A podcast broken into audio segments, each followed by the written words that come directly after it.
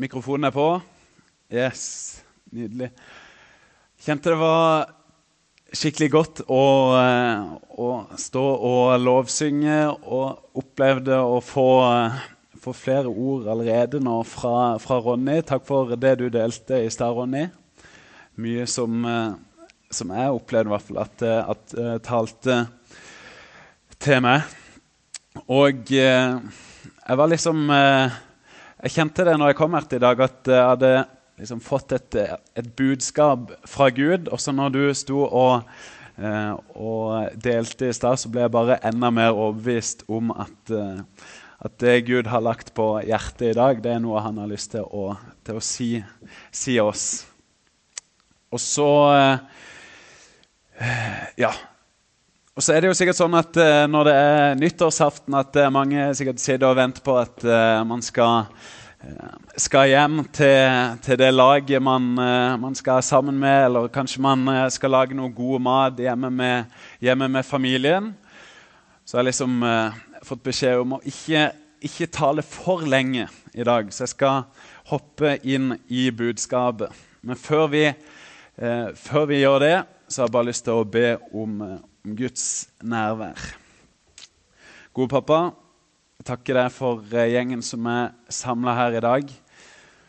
Jeg takker deg for, eh, for ditt ord. Jeg takker deg for, eh, for, fellesskapet. Jeg takker deg for dette året som har vært.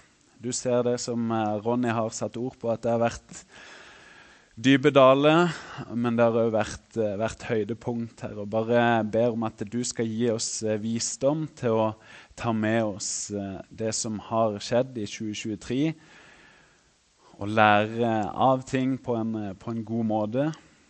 Så bare ber jeg om at du skal være til stede her nå og tale til, til hjertene våre, Jesus. Det ber jeg i ditt navn. Amen. I dag så skal vi ta utgangspunkt i en tekst fra Matteus evangeliet. Noen eh, kapittel seinere enn det Ronny leste fra i stad. Har dårlig erfaring med sånn her. David. Nydelig. Takk. vi skal lese fra Matteus kapittel 5. Nei, kapittel 9. 5, det var der Ronny leste fra i stad. Og dette er litt etter etter bergpreken. Da leser vi i Jesu navn. Deretter dro Jesus omkring i alle byene og landsbyene. Han lærte i synagogene deres, forkynte evangeliet om riket og helbredet alle slags sykdommer og alle slags skrøpeligheter blant folket. Men da han så folkeskarene, ble han grepet av dyp medlidenhet med dem for de var utslitte, motløse og spredd omkring som sauer uten hyrde. Da sa han til disiplene sine.: Høsten er sannelig stor, men arbeiderne er få. Be derfor høstens herre å drive ut arbeidere til sin høst. Her møter vi altså Jesus som eh, vandrer rundt i eh, ja, rundt Galileasjøen, og han helbreder sykdommer. Og han forkynner de gode nyhetene om Guds rike. Og så ser han ut over folkeskarene som strømmer på. Og så ser vi at det gjør noe med Jesus sitt hjerte. Han får dyp medlidenhet med dem. Og Det skal vi komme tilbake til. Du kan trykke. Så jeg har tatt med et uh, bilde i dag fra, av en uh, oljeplattform. Og så kan man jo spørre er det noen direkte link mellom Matteus 9 og en oljeplattform. Nei, det er det ikke. Det er det ikke. Ikke i grunnteksten heller. Og, men jeg har lyst til å trekke noen, noen linjer til oljeplattform. For er det noen som eh, kjenner oljeplattformer, og hva som er viktig der ute, så er det jo dere som bor på, på Karmøy. Sjøl har jeg vært eh, om bord i én når eh, Svein Tore jobba i Lyngdal. Da var han bare inne i fjorden, så det var ikke så, det var ikke så sprekt at det var liksom langt ute i Nordsjøen. Men det var én ting jeg som har høydeskrekk, skjønte veldig godt. Og det var at på plattformer så er HMS det er viktig. Det er utrolig viktig. Og så vet jeg at det er liksom eh, det er mange som sitter hjemme når mennene typisk er ute på, på, sjøen og er enig med meg at HMS det er utrolig viktig, mens de som er ute på, kanskje ikke, ja, kanskje ikke syns det er det gøyeste å, å snakke om eller blir, blir minnet på. Men uansett, HMS det er viktig på en plattform. Og så har, For å hoppe litt, denne høsten her det har vært en annerledes høst for min del og for Emilie sin del. Jeg er blitt eh, kalt inn i Forsvaret, så jeg jobba nå som feltprest i fire måneder. Og i løpet av de månedene der så har både jeg og vi andre som er blitt kalt inn til det å være feltprester, vi har fått utrolig mange gode samtaler. Både med rekrutter, men òg med andre som er i samme situasjon som oss, jurister og leger som har vært på kurs sammen med oss. Og det vi sitter igjen med etter de samtalene der, det er at vi som tror, vi som kjenner Jesus, vi er bærere av det mennesket i dag på dypet lengter etter. Og jeg vet at Det høres veldig cocky ut å si. I hvert fall hørtes det veldig cocky ut i, i, mitt hode når jeg forberedte det. Men jeg tror det, og vi tror det. At vi bærer, og vi bærer på og har fått det som våre naboer, kollegaer og verden i dag på det dypeste planet egentlig trenger.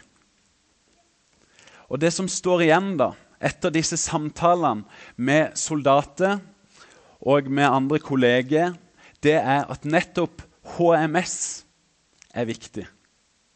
Ja, HMS som helse, miljø og sikkerhet, men òg HMS i form av håp, mening og sannhet. Håp, mening og sannhet.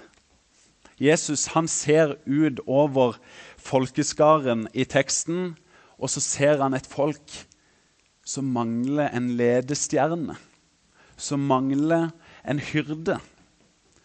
Og så ser han et utslitt folk. Et folk som trenger en ledestjerne. Og som Ronny var litt innpå i, i starten i stad, så opplever vi at situasjonen i verden i dag ligner på mange vis. Et håp, en mening og en sannhet som står grunnstøtt gjennom livets mange faser, er noe vi trenger i dag. Men mange opplever det at de sitt håp, de sin mening, de sin sannhet vakler i møte med livets harde realiteter. Akkurat som at oljeplattformbeina vakler når det kommer stormer. Når det kommer tider med sorg og smerte. Og så er ikke det rart heller. For det som blir presentert og formidla gjennom uh, ulike medier, ulike filmer Det er jo det som At det ikke er noe håp utenfor oss mennesker sjøl. Og at vi må skape sjøl vår egen mening med livet. Eller at det man sjøl føler på, at man da skal skape sin egen sannhet ut ifra det. Og når det ligger til grunn, når det er noe av det som preger verdensbildet og menneskesynet i dag, så er det ikke rart at mange blir rotløse. Jeg skjønner det godt. Og man blir som sauer uten hyrde. Det blir en lengsel etter noe større.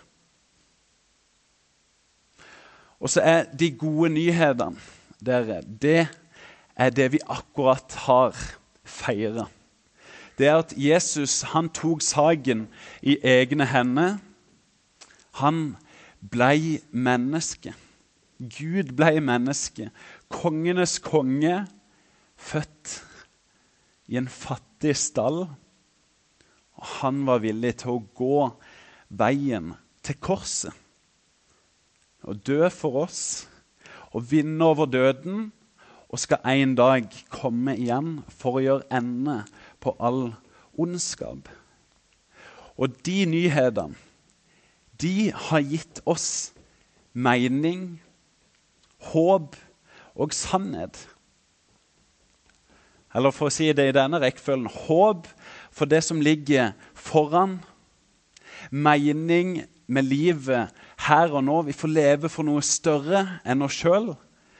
Og sannhet. Sannheten om hvem Gud er, og sannheten om hvem vi er som hans sine barn.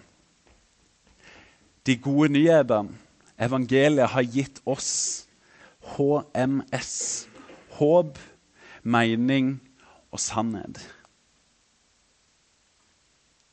Så ser Jesus altså ut over flokken, og så sa jeg i stad at det gjør noe med hjertet til Jesus. Vi leser her at han får en dyp medlidenhet. Han får en dyp medlidenhet med flokken. Og Det er et uttrykk som jeg har snakka om før, og jeg har sikkert nevnt det her før òg. Men dette uttrykket og det Jesus kjenner på her, det er noe av det som gjør at han er villig til å gå den veien som han var villig til å gå til korset.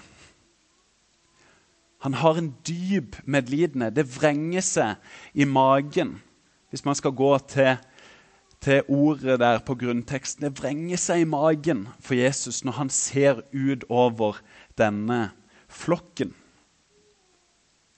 Og så er min bønn for det nye året at Jesus òg skal velsigne oss. Velsigne oss som hans sitt folk med denne medlidenheten.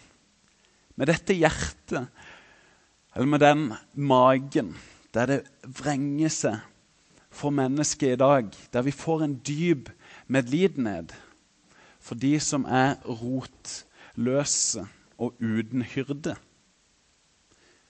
En medlidenhet som setter oss i brann for mennesket i dag som lengter etter håp, mening og sannhet.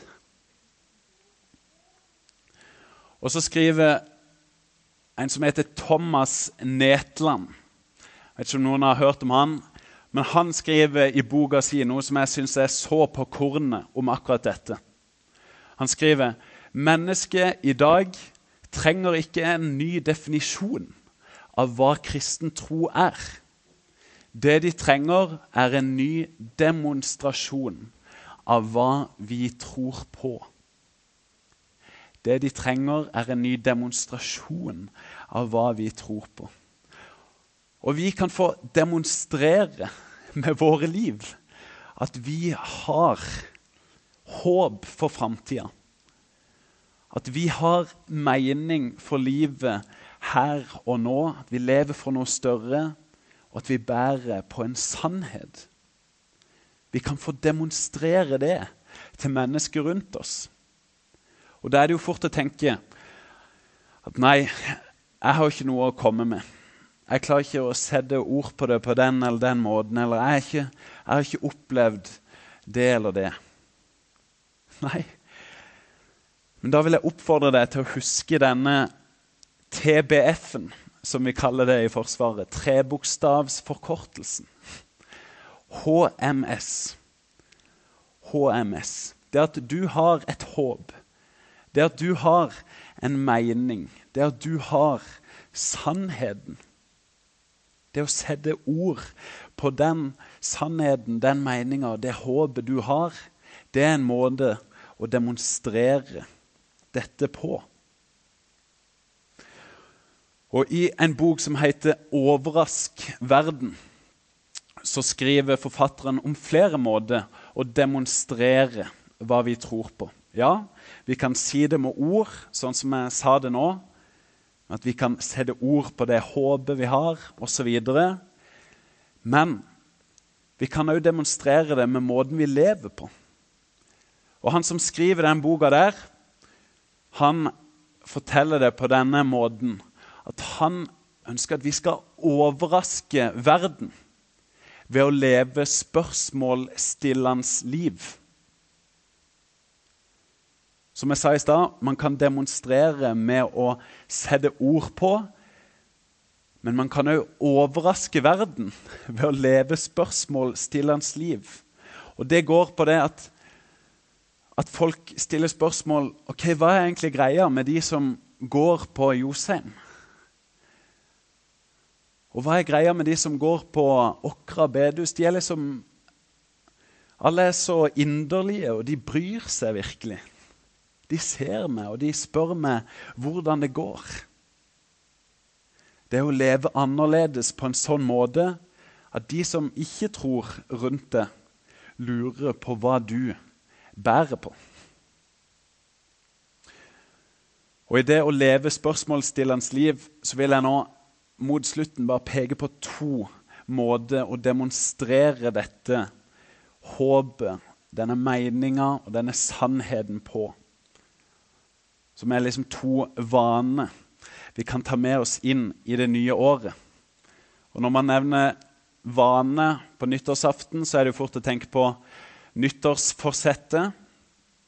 Men nyttårsforsettet de varer, i hvert fall i eget liv, så varer ikke de lenger enn et par uker. Så vi velger å kalle det en vane heller. Men det nyttårsforsettet peker på på en god måte, da, er at vi går inn i noe nytt med blanke ark. Og det kan man òg tenke med dette. Den første vanen med å overraske verden Det er veldig liten skrift her, men jeg skal si det òg høyt. Det er å velsigne. Overraske verden ved å velsigne. Det handler om å be Gud vise deg mennesket som du kan gjøre godt mot. Eller be Gud vise deg anledning som du har til å gjøre godt mot andre. Og Her er vi forskjellige hvordan vi velsigner eller hvordan vi gjør godt mot andre. Men når vi har mottatt den store velsignelsen fra himmelen som Gud har gitt oss, og i sin gave har gitt oss sin Hellige Ånd, så har han også satt oss i stand til å gjøre godt mot andre mennesker. For eksempel, her har jeg bare nevnt noen eksempler med å sende en hyggelig melding, gi bekreftende ord og gi gave. Det er en måte, eller noen måter, å demonstrere HMS. Demonstrere håpet, meninga og sannheten som du bærer på. Du overrasker verden ved å velsigne andre. Og så er nummer to det er å overraske verden ved å spise. Ok? Det høres jo veldig banalt ut, for alle trenger jo å spise for å overleve. Men ikke alle blir invitert hjem på middag til andre. Eller ikke alle, sånn som Robin, nei, Robin sier, Ronny sa i stad, har råd til å betale både frokost, lunsj, middag, kvelds til familien hjemme. Og Det er der jeg syns det er så rørende å høre det hjertet som dere har når dere lager julemat til bygda her på huset før jul, det er nettopp det hjertet der som, som dere demonstrerer. Den medlidenheten og det hjertet som Jesus viser i teksten i Matteus 5. ved å invitere på måltid, ved å spise sammen med andre, så kan vi demonstrere helt konkret det håpet vi bærer på, den meninga med livet som vi står i, og den sannheten som vi lever for. Du kan overraske verden ved å velge å spise på denne måten her. Og så er dette her to eksempler på det å overraske verden med Jesu godhet og med Jesu medlidenhet for mennesket. Og så kunne vi trukket fram mange flere eksempler.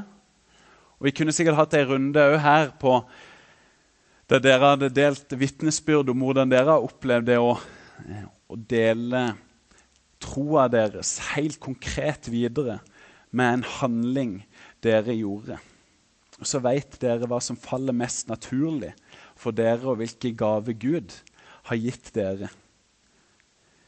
Men inn i det nye året så har jeg bare lyst til å oppfordre dere til å be Gud vise dere mennesket. Be Gud vise dere anledninger som dere kan velsigne, og som dere kan spise sammen med.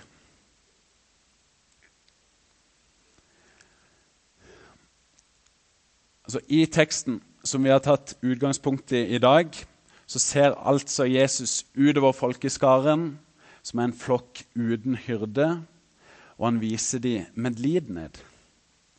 De er rotløse, og de trenger en ledestjerne. Og så har vi feira i jula nå at ledestjerna, Betlehemstjerna, den viser vei til Jesus. Og så kan vi òg få være en ledestjerne, en Betlehemstjerne, som leder vei til det håpet som Jesus gir oss, til den meninga med livet som han gir oss, og til den sannheten som han gir oss. Og inn i det nye året så kan vi òg få be om at Gud skal bruke oss som sine redskaper Bruke oss som en Betlehemstjerne til å overraske verden og da gi videre det vi har mottatt. Jeg vil be en bønn til slutt.